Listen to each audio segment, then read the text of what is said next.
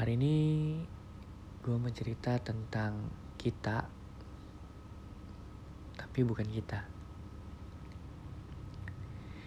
Ini adalah orang-orang yang biasanya sibuk menolong orang lain, tapi ternyata mereka adalah orang yang pertama paling butuh pertolongan. Ini banyak banget di luar sana. Kalau kalian melihat ada orang yang senang menolong ataupun istilahnya ada yang bilang orang yang paling bahagia biasanya juga orang yang paling sedih. Ini kasusnya sama. Orang-orang yang paling banyak menolong orang lain biasanya orang-orang yang paling butuh ditolong. Di luar sana banyak banget orang-orang kayak gitu. Sesuai sama judul podcast ini tentang kita tapi bukan tentang kita. Gue mau cerita tentang setiap orang itu punya segala sesuatu yang dia itu nggak nggak mau share. Punya sesuatu atau satu hal satu dua hal yang dia nyaman nyimpan itu sendirian buat dirinya. Nggak nggak di share ke orang-orang ataupun ke teman dekat ke orang yang paling dekat itu mereka juga nggak bakal share hal-hal kayak gitu. Karena biasanya tiap-tiap kita ini punya satu atau dua rahasia yang cukup kita aja yang tahu. Dan gue cuman pengen kasih tau ke kalian semua kalau hal-hal seperti itu tuh wajar hal seperti itu tuh wajar dan itu nggak aneh. Karena setiap orang itu punya permasalahan yang sama. Mereka nyimpan bukan berarti mereka nggak mau share itu. Mereka telah nyaman dengan rahasia-rahasia yang dia mereka simpan sendiri tanpa perlu orang tahu. Ada cerita tentang teman gua yang senang banget nolong orang-orang. Dan ternyata di balik semua itu dia depresi banget. Depresi karena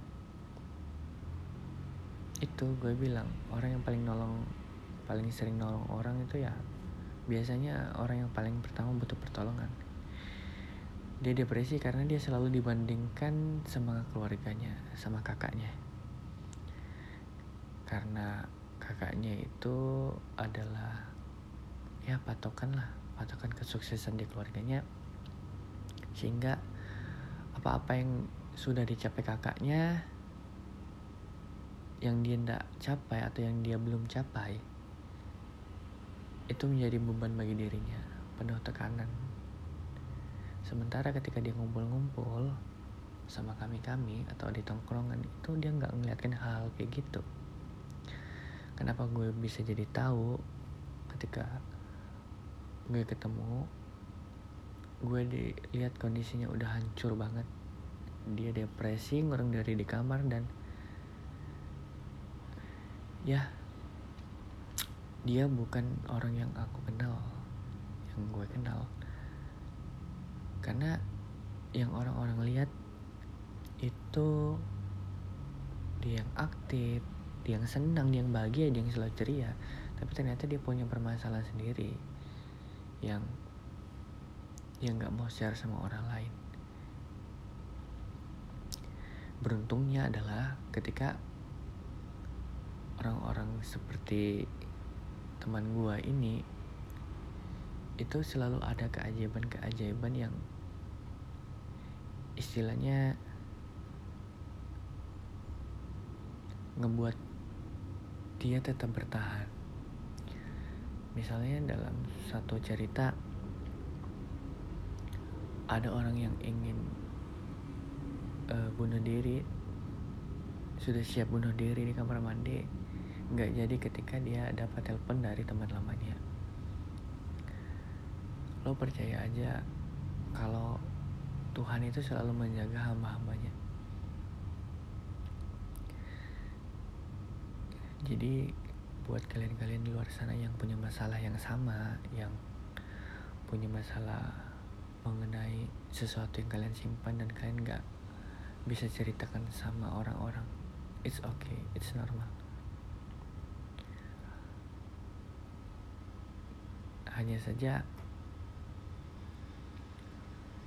kalian harus tahu batas ketahanan diri kalian dan sampai mana kalian bisa nyimpan itu sendiri kalau nggak kuat lo harus cerita minimal sama siapa aja sama orang lain. Sama orang terdekat. Kalau lo malu sama orang terdekat ya sama stranger lah. Walaupun itu nggak ngurangin banyak apa yang lo alamin paling nggak itu ngebuat sedikit perasaan lo agak lega deh. Percayalah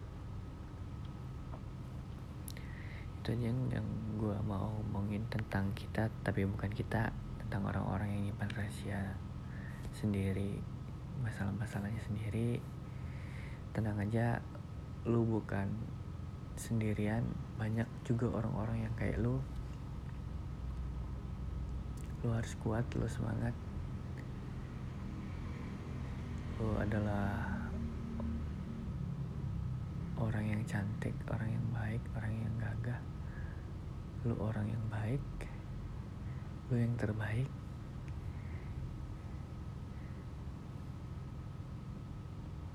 Karena lu udah dikasih hidup ya maka ya berjuanglah untuk hidup.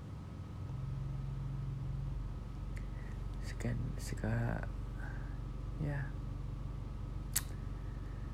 Sekiranya itu dari gua sampai jumpa di cerita-cerita selanjutnya